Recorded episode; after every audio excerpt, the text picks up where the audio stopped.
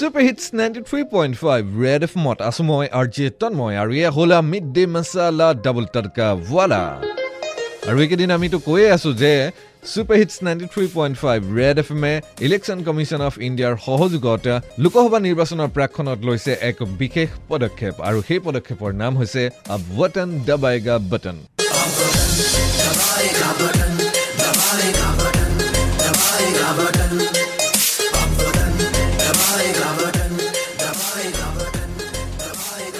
সকলোৱে যাতে নিজৰ ভোটাধিকাৰ সাব্যস্ত কৰে। তাৰ লগতে বিশেষকৈ যিসকল ফাৰ্ষ্ট টাইম ভোটাৰ তেওঁলোকক আমি অনুৰোধ জনাইছিলোঁ যে তেওঁলোকৰ মনৰনো এক্সাইটমেণ্ট কেনেধৰণৰ প্ৰথমবাৰ ভোটদান প্ৰক্ৰিয়াত অংশগ্ৰহণ কৰিবলৈ যোৱাৰ প্ৰাক মুহূৰ্তত আৰু কেনেধৰণৰ কি কথা মনলৈ আহিছে সেয়া সকলো জনাই আমালৈ হোৱাটছআপ কৰিবলৈ double nine five four zero' three nine nine three five নম্বৰত।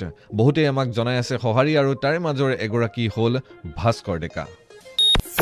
নমস্কাৰ মই ভাস্কৰ ডেকা। মই কৰ্মশ্ৰী হিতেশ্বৰ শইকীয়া কলেজৰ ছাত্ৰ। এইবাৰ প্ৰথমবাৰ ভোট দিম মই এইবাৰ। মোৰ একৈছ বছৰ বয়স। ভাল লাগিব ভোট দি। নতুন অভিজ্ঞতা এটা হ'ব। সকলোৱে আহক ভোট দিয়ক। ভাল লাগিব। নিজৰ চৰকাৰ এখন গঠন কৰক। মইতো ভোট দিবলৈ যামেই। মোৰ লগৰ লক্ষ্যজিত বায়ন তাকো ভোট দিবলৈ লৈ যাম। আব ৱাটান দাবাইগা বাটান।